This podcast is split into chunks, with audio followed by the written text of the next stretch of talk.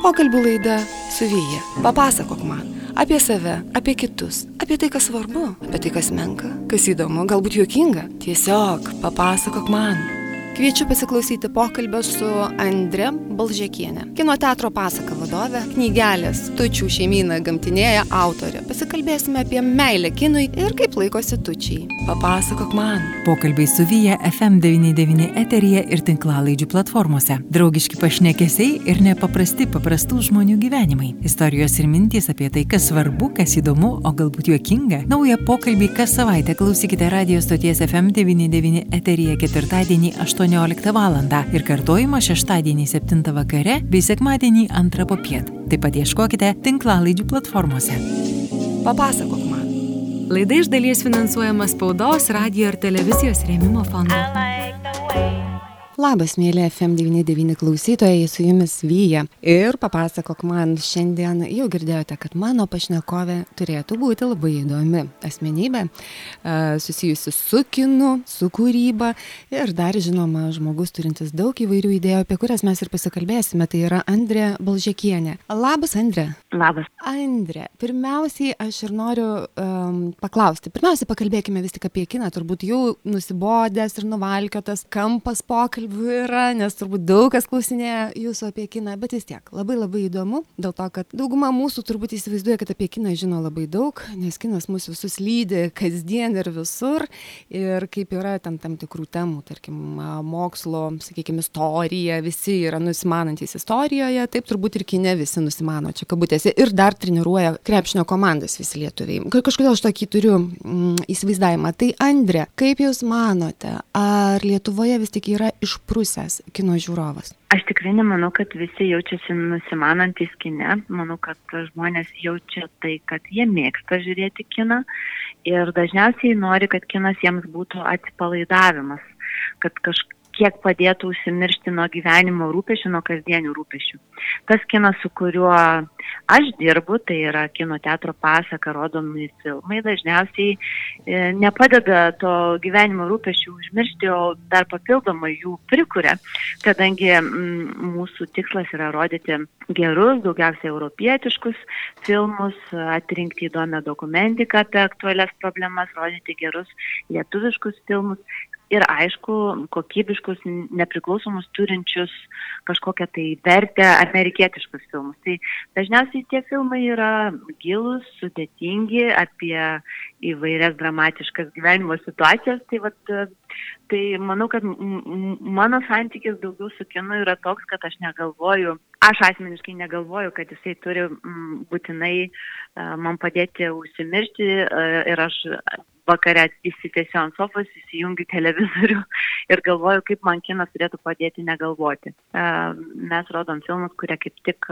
kurių nesinori pamiršti ir ir apie kurios nori sigalvoti ir kalbėti. Andrėjo, jūsų pačios asmeninis požiūris į kiną. Ar kartai žiūrite tą komercinį, holivudinį kiną, ar įsijungiate tą filmą, kur, na, nežinau, kuris, sakykime, nuvalkiotas gana, ten, ko netoksai kaip vienas namuose ar dar kažkas, kurį visą laiką suka per kiekvienas kalėdas. Ar būna taip, ar visą laiką jūs jau kitos kokybės ieškote?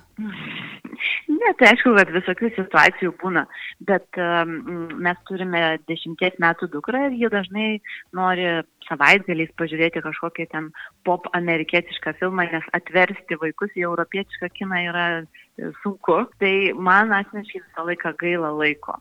Mm, jeigu aš iš karto jau žinau, numatau tiksliai į priekį, kas ten bus, situacijos nuspėjamos, tai man to, to laiko yra gaila, bet taip kartais, kartais aš žiūriu vienas namuose, E, jeigu tai galima pavadinti žiūrėjimu, daugiau viena akim žiūri, o kita kažką tai darai. Mm, taip, be maišant, pavyzdžiui, tašlą kalėdiniams meduoliams galima pažiūrėti vieną akimi tokį filmą, ar ne? E, man Bet labai... yra filmų, kuriuos, kuriuos galiu žiūrėti daug kartų ir nors ir puikiai žinau jų sižetą, bet Harry Potterį mes e, žiūrim poteriadą beveik prieš kiekvienas šventes, vat yra tokia mūsų tradicija pažiūrėti Merė Poppins tiek seną, tiek naująją irgi jau mačiau ne vieną ir ne du kartus.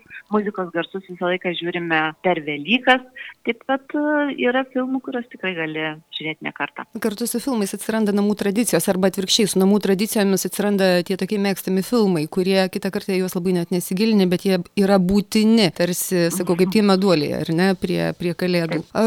Noriu dar pasiklausti, ar yra, pavyzdžiui, dabar man taip minti šovė apie nekomercinį kiną ir iš tikrųjų ten tie visi vaikiški filmukai, kurie labai traukia vaikus, yra dažniausiai, na, sukurtina jie komerciniai yra. Ar nekomercinis kinas kuriamas jaunam žiūrovui, vaikui? E, taip, bet čia labai sunku vartoti tą savoką nekomercinis, nes galų galia vis tiek dauguma filmų yra kuriami taip, kad jie turėtų savo žiūrovą. Tai a, jeigu apie tai yra galvojama, ar juos mes galim vadinti nekomerciniais, galbūt galima išskirti tam tikrus kokybės lygius arba mokyklas a, kino. Tai daugiausia, aišku, visas pasaulis, viso pasaulio vaikai yra pripratę prie Disnėjaus prie amerikietiškos animacijos. Tie filmai, kadangi yra kuriami su labai dideliais biudžetais, įgarsinami puikių aktorių, reklamuojami per visą pasaulį, natūraliai jiems e, labiausiai norisi juos žiūrėti. Ir jie yra puikus, aš pati labai juos mėgstu ir stengiuosi nepraleisti e, Disnėjaus filmų. Tačiau mes kino teatre pasakas stengiamės žiūrovom parodyti, kad ne tik ta, ne tik ta animacijos rušis yra, ne tik tai tos istorijos yra, kokias pasakoja amerikiečių kino kuriai. Ir dėl to rodome ir europietiškus filmus vaikam. Ką galiu pasakyti, kad vaikai iki kažkur trečios klasės, antros trečios klasės gana noriai žiūri tai, ką jiems pasiūlo tėvai ar mokytojai. O po to jau apie 90 metus jų skonis pradeda skirtis, jie pradeda ieškoti savęs ir labai dažnai e, būtent nueina į tą populiarų, į kiną. Dabar sakyčiau, kad dešimtmečiai, vienuolikmečiai mėgsta jau ir gana suaugusiems skirtus filmus kaip fantastinius Marvel, e, fantastinius komisinius Marvel e, studijos filmus. Tai mums yra gana sunku juos susigražinti ir prisitraukti nuo to dešimties metų iki matyt kokių dvidešimt penkių kada jau jie vėl pradeda vertinti kažkokius dalykus, kurie yra nebūtinai masiniai ir kokybiški. Ir su šituo iššūkiu susiduria visi europietiško kino teatrai, yra skiriami papildomi pinigai ir programos, kaip pritraukti tą jauną žiūrovą, kaip ne, jo nepamesti, va šituo amžiaus etapu, bet tai tikrai yra nelengva. O kaip manot, nuo ko tai priklauso? Aš dabar galvoju, labai įdomi amžiaus kategorija, nuo 10 iki 25 metų, toks jausmas mes turim suskirstyti, ar ne, ten vaikystė, paauglystė, jaunuolis, ar ne. Šitą kategoriją, kaip ją būtų galima pavadinti, tiesiog prarasta, prarasta kino karta, kaip galima būtų. Ne, matyt, ir šiaip, aišku, aš nenorėčiau suabsoliutinti, kad visi vaikai nežiūri europietiškų filmų nuo 10 iki 20. Tačiau tikrai juos atsivesti yra sunkiau. Aš tai manyčiau, kad tai yra toksai gal ieškojimo etapas ir mm, ir galbūt e, savo, savo tapatybės ir to, to pačiu kažkokio skonio atradimas, nes jeigu paprastai pažiūrėtume, galbūt, pavyzdžiui, mažam vaikui galėtume įsiūlyti kažkokį įdomesnį maisto produktą. Po to, kai jie paaugliai, jie nori valgyti greitą maistą, gerti gazuotus gėrimus ir ką, kiek ten nori aplinkui gali su brokoliai šokinėti, bet po to kažkada nuo 20 ar panašiai, gal jau, jau ir alyvogių paragauja ar kažkokio tai gero sūrio, tai žodžiu, aš manau, kad tas tiesiog yra laikas, per kurį e, skonis tiek kino, tiek visas kitas yra atakuojamas labai daug masinio, masinės kultūros ir, ir jai atsispirti yra sunkiau. Na, čia toks savotiškas turbūt maištas. Jeigu tėvai turbūt linkę labiau į masinę kultūrą, tai gal vaikai maištauja įdami į europinį kiną. Ir atvirkščiai, tėvai yra linkę į nekomercinį europinį arthausą, sakykime, irgi. Tai vaikai tada sako, ne, pagalais, aš pasimsiu popkorną ir nueisiu pažiūrėti holivudinį kokį nors kovinį filmą. Galbūt čia tiesiog maišto forma. Mm. Andrė, aš dar dabar galvoju, šiandien sėdžiu ir aš tikrai esu, man, man gėda kalbėti su tokiu žmogumi kaip jūs, dėl to, kad aš jaučiuosi silpna pašnekovė šioje srityje, aš ne, na, kina irgi toks eilinis vartotojas, taip, aš mėgstu ten, žiūriu, sakau, o taip man labai patinka, aš labai mėgstu, ką rodo LRT, ten taip toliau, taip toliau, bet aš aišku pasižiūriu ir tą e, holivudinį filmą labai mėgstu ir ploju rankomis, kai, baig, kai filmas baigėsi vestuvėmis, na, žodžiu, tipinė žiūrovė. Ir, sė, ir dabar galvoju, galvoju apie filmų tiesiog pavadinimus, klasifikacijas, taip toliau mano aplinkoje yra žmonių, kurie domisi kinu. Na ir aš girdžiu tokius iš tikrųjų tuos pavadinimus - nepriklausomas kinas, nekomercinis, arthausas, autorinis kinas. Kuo jie skiriasi, kas tai yra iš vis, kaip paprastam tam tiesiog eiliniam žmogeliui, kuris, na, gal į kiną nueina į mėnesį kartą daugiausiai, orientuotis, koks kinas yra koks, kas yra, pavyzdžiui, nepriklausomas kinas, nuo ko jis nepriklauso. Aš tai visų pirma vietį pasakysiu, kad niekada nereikia kažkaip atsiprašinėti, mes ne vienas negalim žinoti visko. Tai aš tuo labiau nepretenduoju į kino žinovę, nes nesu baigusi kino mokslų, esu žmogus dirbantis kino srityje, galima būtų paprasčiausiai sakyti, kad esu kino srities vadybininkė, nes tengiuosi žmonės, žmonės įtikinti, pakviesti ateiti pasižiūrėti gerų filmų, bet toli gražu nesu kažkokia kinotirininkė. Bet e, galbūt pasakyčiau tik tai taip, kad yra kinas, kuris sukuria didžiosios studijos Tai kada filmai prasideda, mes matome tokią kaip ir vinjetę, matome tokius pavadinimus kaip Warner Bros., Universal, ar prancūzai turi pate. Tai, tai tai yra didžiųjų studijų kinas, o nepriklausomas kinas yra sukūriamas netokių didelių kompanijų, tai yra filmai, kuriuose didesnį galbūt žodį turi režisierius, kuriejas, scenaristas. Tai yra filmai, kurių labai dažnai ir scenarius autorius, ir režisierius yra tas pats žmogus. Tai yra ne kažkaip tai didelės rinkodarinės komandos sukonstruota mašina, o autoriaus, autoriaus išreikštas požiūris per filmą. Galbūt taip labai paprastai būtų galima pasakyti, nors nesu šimtų procentų tikra, kad ta klasifikacija yra tiksli, bet, bet daugmaž taip būtų galima suprasti, ką reiškia nepriklausomas.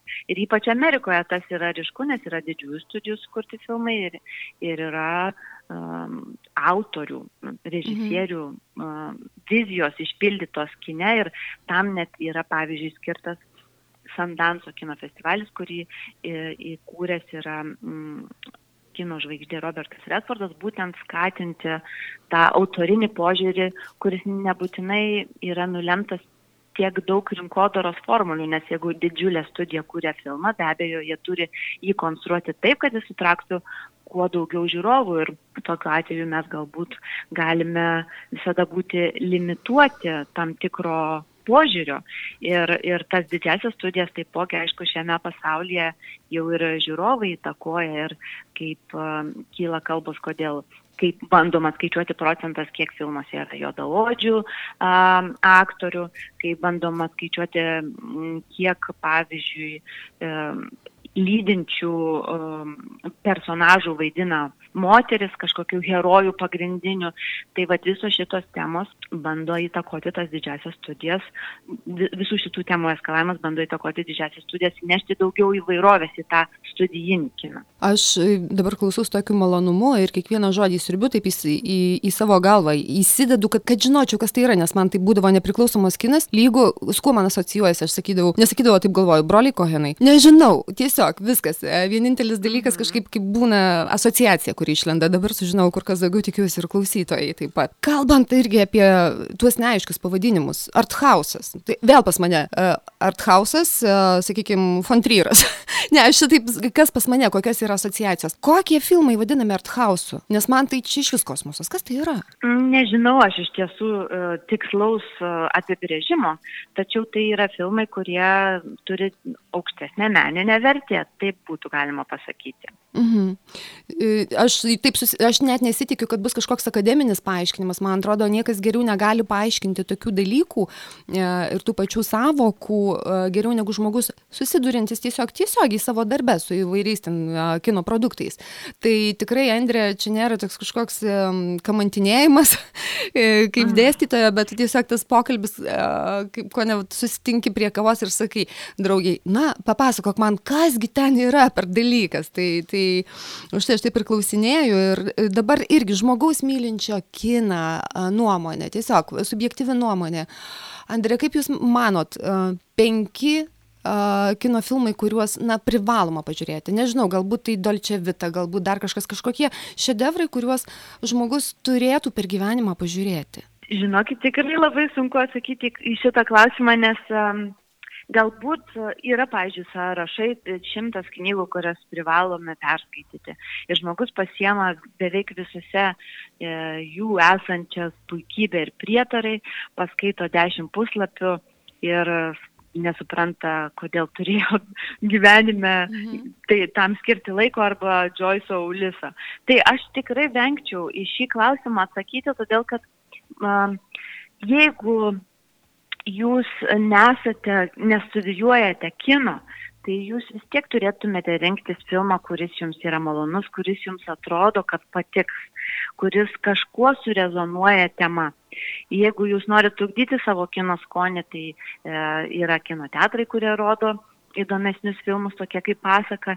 Yra Lietuva tikrai labai, sakyčiau, turtinga kino festivaliais ir lyginant su kitomis šalimis jų vyksta tikrai daug.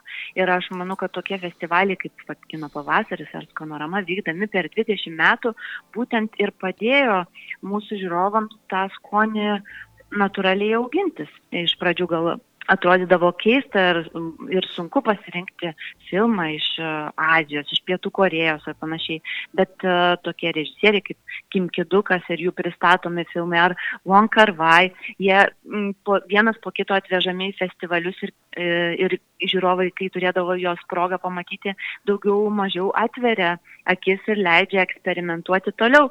Tai aš nežinau, kokius penkis filmus, jeigu taip reikėtų pasakyti, va šituos penkis jūs turite pamatyti, tikrai nesimčiau šito sakyti, tačiau be abejo įsivedus e, tokį, tokią paiešką į Google jums išmes ir Selinį, ir Tarkovskį, ir Bergmaną, ir gausybę kitų puikių kino režisierių, kurie, kurie sukūrė filmus, kuriuos mes vadiname klasika. Mhm. Tai aš taip sakyčiau, tada tiesiog, jeigu žmogus galvoja, kad, na, reikia praplėsti savo akiratį ir tapti tokiu, bent jau kažkiek suprasti apie kino klasiką, tai geriausiai padės tiesiog internetas ir, ir paieškos programa ir tada tikrai galima pasiskaityti recenzijas ir, ir pasirinkti tinkamą filmą. Internetas kaip visada Bet padės. Tai gali būti nuo pat pradžių gali tai būti net ir šiek tiek sunku, nes filmai sukurti ten prieš 50-60 metų jų e, visai kitas stilius, kitas greitis, mūsų pasaulis yra labai pasikeitę, ar tai, kas užtrukdavo, kaip sako, va, tarkime, dabar yra situacija, jeigu krizinė situacija, anksčiau turėdavai sureaguoti laiko 4-5 valandas, dabar atsakyti į klausimus vartotojams arba žiniasklaidai turi per 20 minučių, nes daug maž kas tiek laiko žmonės atsiverčia kažką paskaityti savo telefone. Tai lygiai taip pat ir su filmais, jeigu taip mes iš, vat, iš niekur nieko uh, nuspręsim pasižiūrėti nebylų į kiną, galbūt gali būti, kad e, bus panašiai kaip su Ulisu arba puikybė ir prietarais. Reikia po truputėlį, po truputėlį atsiverti vis labiau um, įvairiems kino filmams. Taip, taip. Aš Ulisą jau penki metai skaitau ir man atrodo, aš dabar gal tik dešimtam puslapį. Niekaip neįvyktos knygos, niekaip o įsivaizdavau, kad aš visai pakankamai intelektualijai. Tai jeigu taip ir su kinu žmogui gali nutikti, tai iš tikrųjų gali tapti kančia, o nemalonumu. Todėl tikrai patarimas geras ir reikia pratintis po truputį. Andrė, pavyzdžiui, ar galima skirstyti uh, kiną, filmus pagal šalis? Nes aš tikrai ne, ne kartą esu girdėjęs ir dažnai, ypač seniau žmonės sakydavo, oi, aš labai mėgstu prancūzų kiną arba aš labai mėgstu prancūzų komedijas. Ar galima pagal šalis kažkaip nustatyti, kad, kad charakteringi bruožai kino, tarkim, ten švedai yra yra ten vienokie, prancūzai kitokie. Ar yra e, tame kažkokio, nežinau, kažko, e, tarp uh, kūrėjų šalies kažkokia jungtis, kuri išskiria tuos kinus? Aš manau, kad yra ir kadangi mes pasakoje norim pristatyti tą Europos šalių įvairovę, pristatyti per filmus ją labai ir patinka ir yra gerai, dėl to, kad vis tiek kinas nėra kažkokia nuo gyvenimo kultūros, nuo šalies kultūros ar visuomenės atskirtas rytis. Manyčiau, kad vis tiek atliepia kaip toje šalyje, kur kuriejas kuria žmonės masto, jaučia, kaip juokauja, nes visi galvo, visi supranta, kad iš suomių galime tikėtis vieno humoro, iš prancūzų e, kito. Tai, e, tai, tai taip, tie filmai pagal šalis skiriasi. Lietuviai iš tiesų labai mėgsta prancūzišką kiną. Nesu padariusi kažkokios studijos, kodėl taip yra, bet tarkime, mūsų kino teatre netgi 30 procentų filmų, europietiškų filmų sudaro prancūziški. Ir, ir, ir, ir taipogi visai neblogai yra reprezentuojamas ispanų kinas.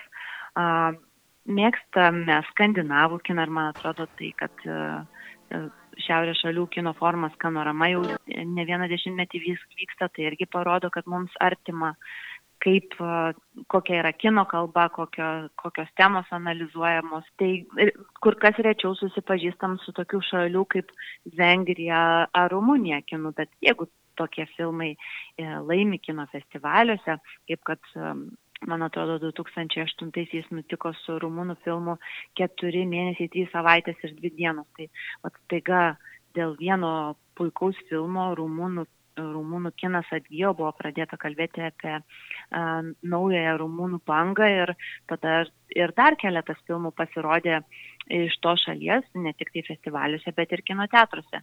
Tai ta įvairovė yra, be abejo. Mes, manau, visi galim, uh, turim šimtą anegdotų, koks yra lietuviškas kinas apie, apie arklį rūkose, auštant ar ilgai, ilgai vieškeliu važiuojant į autobusą. Tai, tai, tai be abejo, kad, kad filmai skiriasi pagal šalis. Taip, o dabar e, mes jau taip įpusėjame laidą ir aš turiu klausimą visai, visai ne į temą. Andrė, ar labai mylite brolį? Taip. Galvau, kaip pasakyti kažką gudriau, bet nieko negaliu. Taip, ne, nu ką, ką daugiau, bet taip galima pasakyti. Uh, tai dabar klausytojai norėčiau užduoti um, paslaptį, ne paslaptį. Um, Andrė, Andrės brolis taip pat yra žinomas žmogus, gerai žinomas kuriejas, e, tai yra Justinas Jarutis. Ir kaip tik um, mes pagalvojom šiandien, kad pertraukai uh, labai tiktų muzikinis kūrinys, kurį jūs atliekat kartu su broliu. Tai pasiklausykime ir po pertraukėlės vėl grįšime į studiją.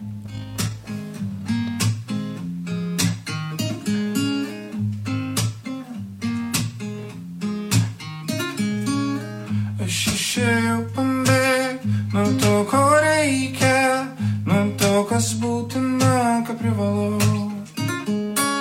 Norėjau tuščias vėl ir vėl pabūsti, supras, ką dar jaučiu tau.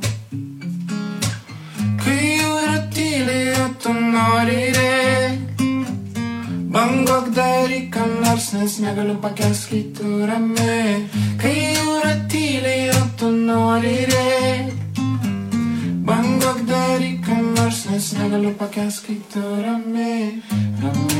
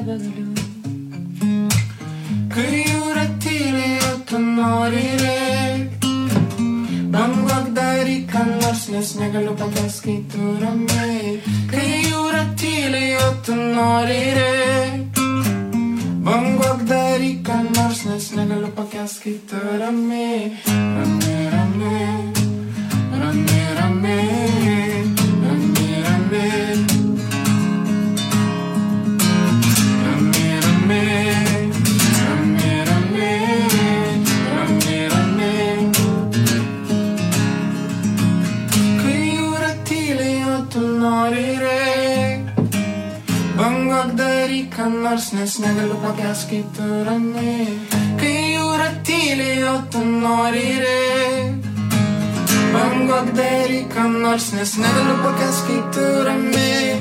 Ramiai, ramiai, ramiai, ramiai, ramiai, ramiai.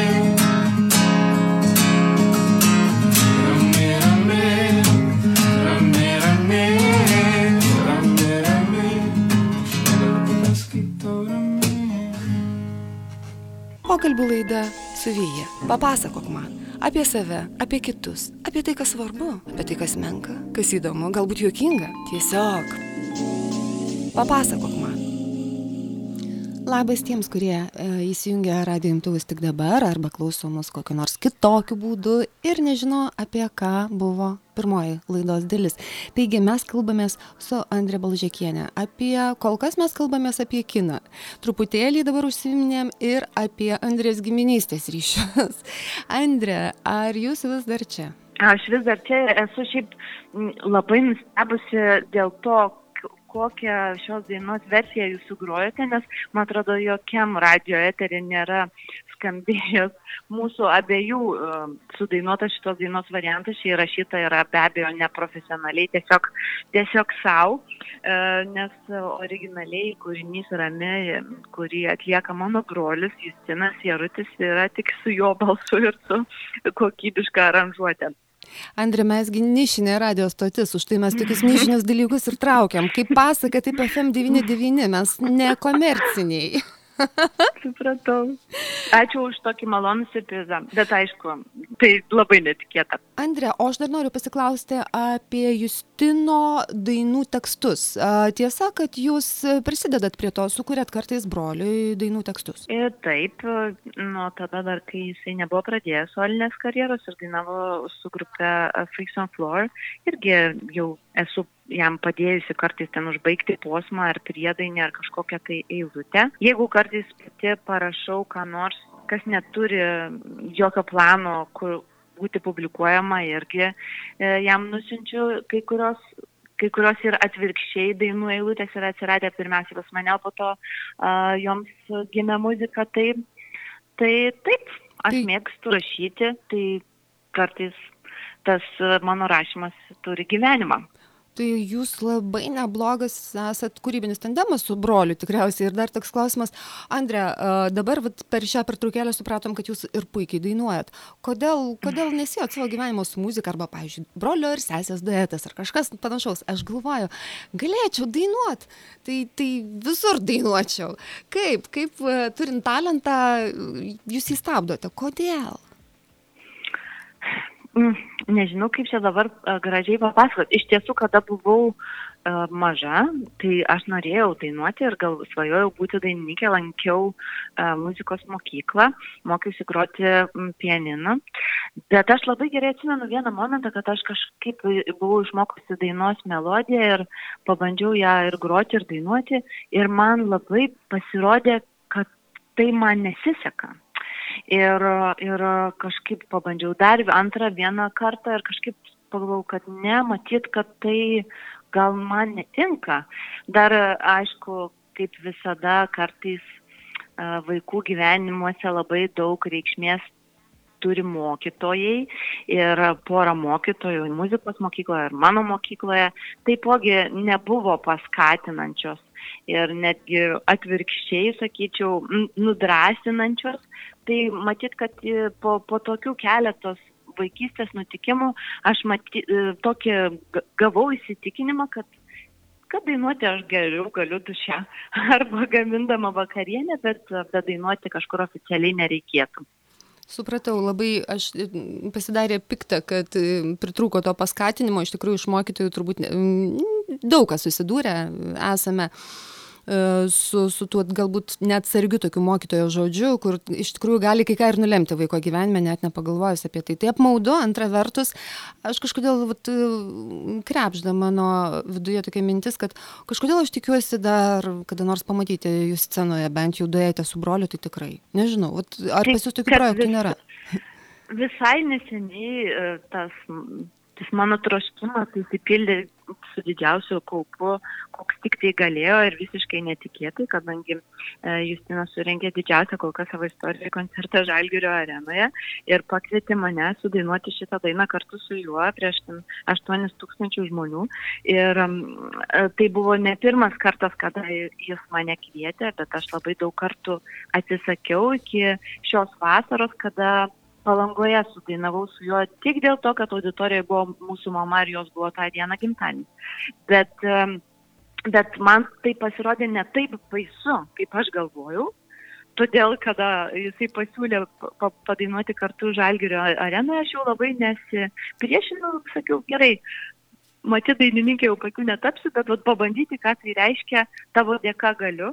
Ir, ir tai buvo tikrai labai, labai įdomi, gražiai, įspūdinga patirtis, kur, kurioje pa, man pačiai buvo nuostabu, kaip aš visai gerai jaučiausi. Tai, tai man atrodo, kad visame šitame ne tiek gal net yra svarbu dainavimas ar muzika, bet e, kaip yra smagu turėti gerą kūrybinį ryšį su savo broliu, nes kaip visi turintys vaikų supras ir, ir žino, kad e, kol mes gyvename kartu su, su tėvais, tai mes kaip ir esame priversti gyventi su savo broliais ar sesėmis.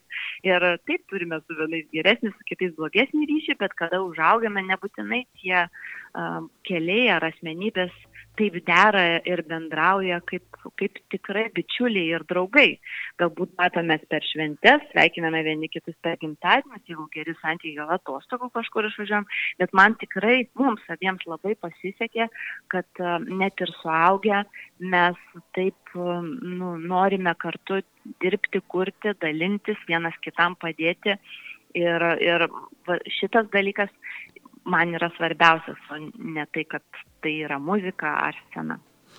O man dabar dar e, beklausant jūsų mintis atėjo, ar būna taip, ar duodat tos tokios, na, kritikos broliui, sakykime, jo kūrybai, ar jūs viską priimat šimtų procentų, ką išgirstat, e, dėl ko jis su jumis pasitarė, sakykime, ar būna taip, kad, e, ne, brolau, sakote, ne, čia negerai, reikia kažkaip kitaip ir pakritikuojate, ar būna? Taip, be abejo, kad būna, bet iš tikrųjų jisai, jam nereikia to, ką aš sakau, jisai, jisai pa, išklauso manęs, bet jeigu tai m, būna kažkokia tai kritika, jisai vis tiek padaro, kaip jisai nori, tai variantė, aš sakau, kodėl tu iš viso manęs klausi. Tai, tai, tai aš manau, kad dalinai um, čia yra jokinga, bet, bet iš tiesų aš manau, kad tokie žmonės kaip jis gana gerai žino, ko jis nori ir jeigu jau pasirenka kažką daryti, kažkokį kūrinį rašyti, išleisti, jau būna viską apgalvoję, išsibandę 50 kartų parepetavę ir, ir tos nuomonės kitų reikia daugiau iš įdomumo, o ne kad tai pakeis kryptį ar kelią, kaip jisai buvo sugalvojęs. Mhm. Tarsi patvirtinimo reikia tiesiog iš, iš, iš šalies. Aš net ir pagalvojau, va, reiškia, va, tokio žmogaus, tokio charakterio turbūt vaikystėje nebūtų mokytojai išmušę, nes jis geriau žino, ar ne. Čia turbūt labai priklauso nuo to, iš tikrųjų, nuo as, asmenybės savybių, tas pasitikėjimas savimi. Ir tada turbūt ta kūryba tokia pasidaro labiau įtikinama. Aš taip bandau atspėti, kas įtakoja, sakykime, tokią drąsą. Aš negaliu už jį kalbėti, bet aš manau, kad mes visi skirtingų etapų būnam skirtingi, o pasitikėjimas savimi bet kokiu atveju yra dalykas, kurį gyvenime išmoksti ir, ir išsiugdai. Tikriausiai visi gimstame negalvodami, kad savim nepasitikim. Tik tais per, per gyvenimą kažkam pasiseka labiau, kažkam mažiau būti atakuojamiems įvairiausių gyvenimo situacijų ir į jas reaguojame skirtingai, bet mm, samoningas požiūris į save, jau ypač suaugusiam amžiai, nes mm, paauglystėje, vaikystėje, aišku, yra mums sunku atsirinkti, kas esame mes ir ar čia tikrai tai, ką apie mus sako, yra netiesa, ar, o galbūt tiesa, tai nu, tuo, tuo asmenybės formavimosi laiku yra sudėtinga, bet, bet vėliau, aš manau, samoningam gyvenime tu gali sustoti, pagalvoti, pasiklausyti savęs ir mm, tada jau įvertinti, ar, ar, ar čia ta mokytoja teisė ar ne, gal visai neteisė. Tai vat. Mhm. Taip, pritariu.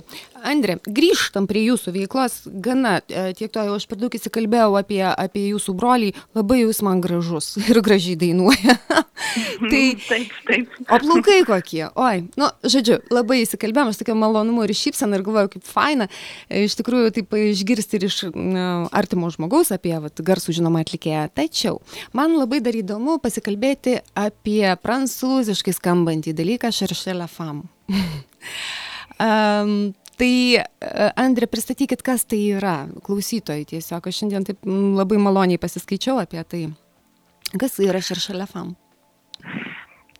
Tiesą sakant, tai yra moterų filmų festivalis, kurį organizuoja kino teatras pasaka. E, tačiau jau antrus berots metus dėl pandemijos mes e, šitą festivalį esame sustabdę. Ir tiesą sakant, net nežinau, ar jį tęsime, nors e, visa kino teatro komanda su didžiuliu malonumu rengė šį renginį ir atrinkinėdavo filmus ar siūsdavo žinutės visuomeniai, kodėl reikėtų E, atkreipti dėmesį į moterų filmus, bet, bet nesu tikra, kad mes tai tęsime.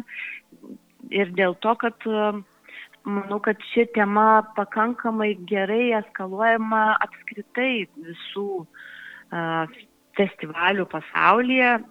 Moterų režisierių filmų vis daugiau įtraukia į pasaulinių, festi, į pasaulinių festivalių programas.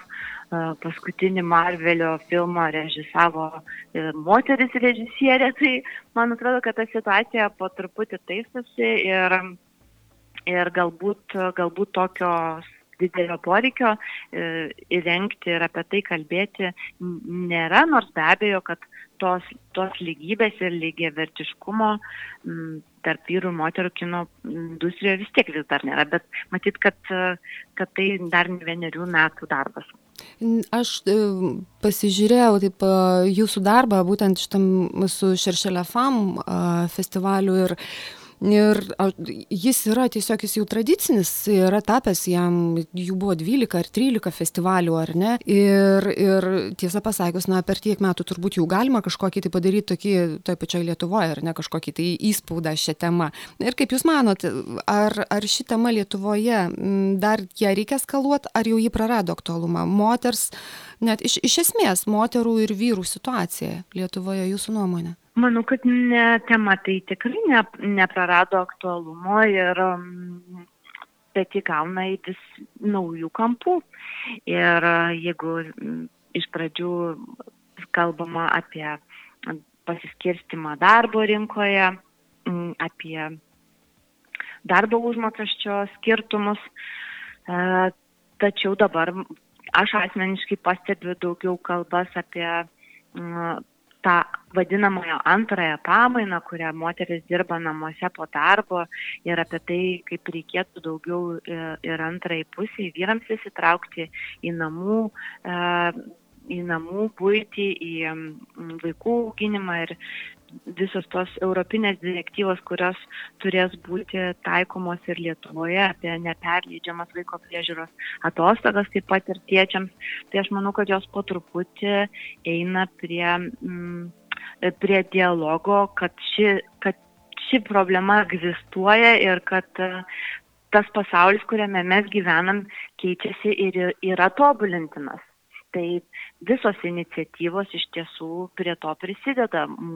Mūsų atveju, kada kino teatras e, organizuodavo šitą festivalį, prisidėdavo tuo, kad tiesiog leisdavo susipažinti su moterų režisierių kūriamais filmais, įskirtinai moterų režisierių, o vėliau paskutiniaisiais metais nebūtinai tik moterų režisierių, bet tiesiog filmais apie moteris, apie kurias mes uh, norėtume sužinoti, ma manytume, kad būtų verta sužinoti.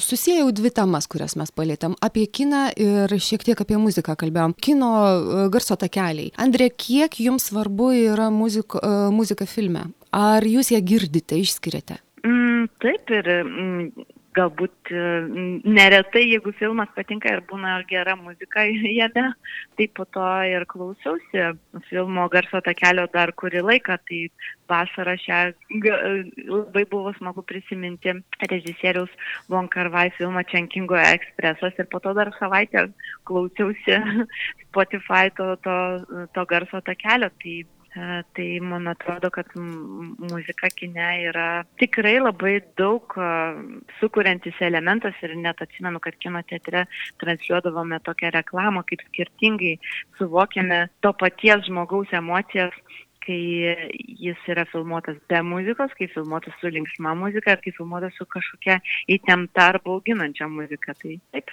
Ir um, irgi dabar paklausius tą uh, palyginimą apie emociją ir muziką ir kiną, pagalvojau, kad vis tik labai naudingas dalykas turbūt žmonėms būtų kažkokios edukacijos ar ne, kažkas, ką galima būtų, uh, kad labiau žmogų galima būtų žiūrovą supažindinti iš tikrųjų su ta kino, sakykime, tais pačiais užkulisiais, kaip daromas filmas ir kaip, kaip mes patys priimam tą kiną. Tai aš noriu dar pasiklausti, Andrė, apie jūsų projektus. Žinot, vieną ausim girdėjau, kad kažkas bus merkinėje. ir, ir, ir kažkas lyg, ar su edukacija susiję, ar kažkas tokio, ar galite atskleisti paslapti, ką planuojate? Čia matyt reikėtų pradėti nuo pačios pradžios, kad Merkinės miestelėje, buvusio istorinio dvaro teritorijoje, Merkinės dvarvietė vadinasi ta vieta, nuo kurios matosi gražiai Merkio ir Nemuno susiliejimas ir piliakalnis, bus nauja kultūrinė erdvė pavadinimu Merkinės fabrikas ir šitam dalykui vadovauja, diriguoja jau į praktiškai Varėnos rajono gyventoją pavirtęs žurnalistas ir keliautojas Vytaras Radzevičius.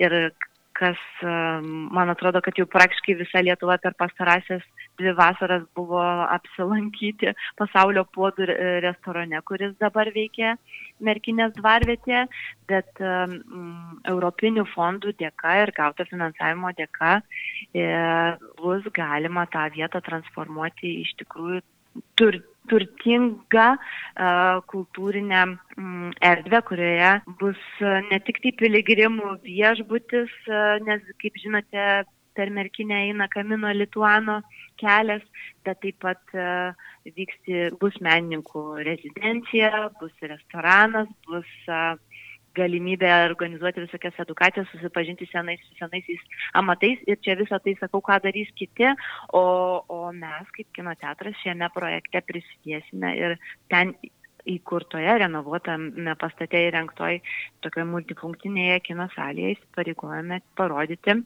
nemažai, nemažiau nei 90 per pusantrų metų filmų, kuriems e, suorganizuosim taip pat ir pristatymus ir kviesim atvažiuoti svečius.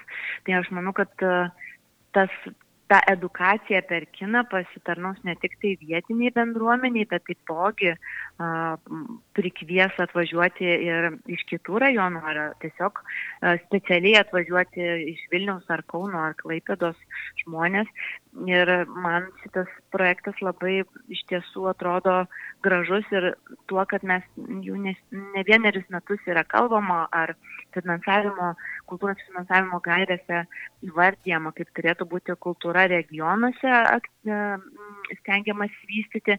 Ir nors tikrai nebijoju, kad merkinėje tos kultūros yra, labai labai aktyviai dirba muziejus, kultūros centras ir vietinė bendruomenė, bet bus smagu atvežti filmus, kurie, mm, kurie yra geri, kurie yra pripažinti, e, kurių kuriejai yra lietuviai, atvežti į merkinę, padaryti jiem pristatymus. Tai su tikrai tokiu nekantrumu laukiu, kada mes jau pradėsim šitą projektą vystyti ir, ir galvoti programą ir kaip kino filmai gali sėti su vietos kultūra, su tuo, ką, ką, ką istoriškai merkinė reiškia, pavyzdžiui, žydų kultūros e, ir, ir, ir palikimui ir išsaugojimui. Tai manau, kad bus, bus ką veikti. Aš dabar taip uh, tyliai ploju rankomis klausydama tai, ką jūs Andrė pasakojat, nes jau lab, kad merkinė visai netoli nuo mūsų ir mes galėsim tiesiog naudotis tom progomis.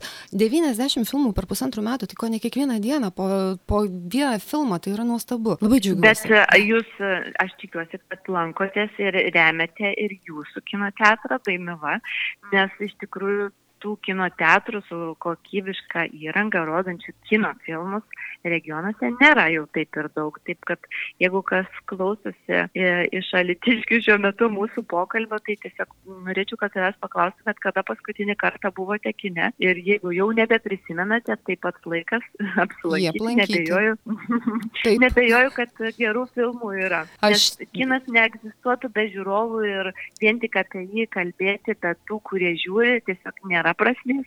Tiesą pasakius, Dainavos kino teatras labai aktyviai veikia ir, ir tikrai šį praeitą savaitę renginys buvo susijęs ir su Lietaus vaikų organizacija.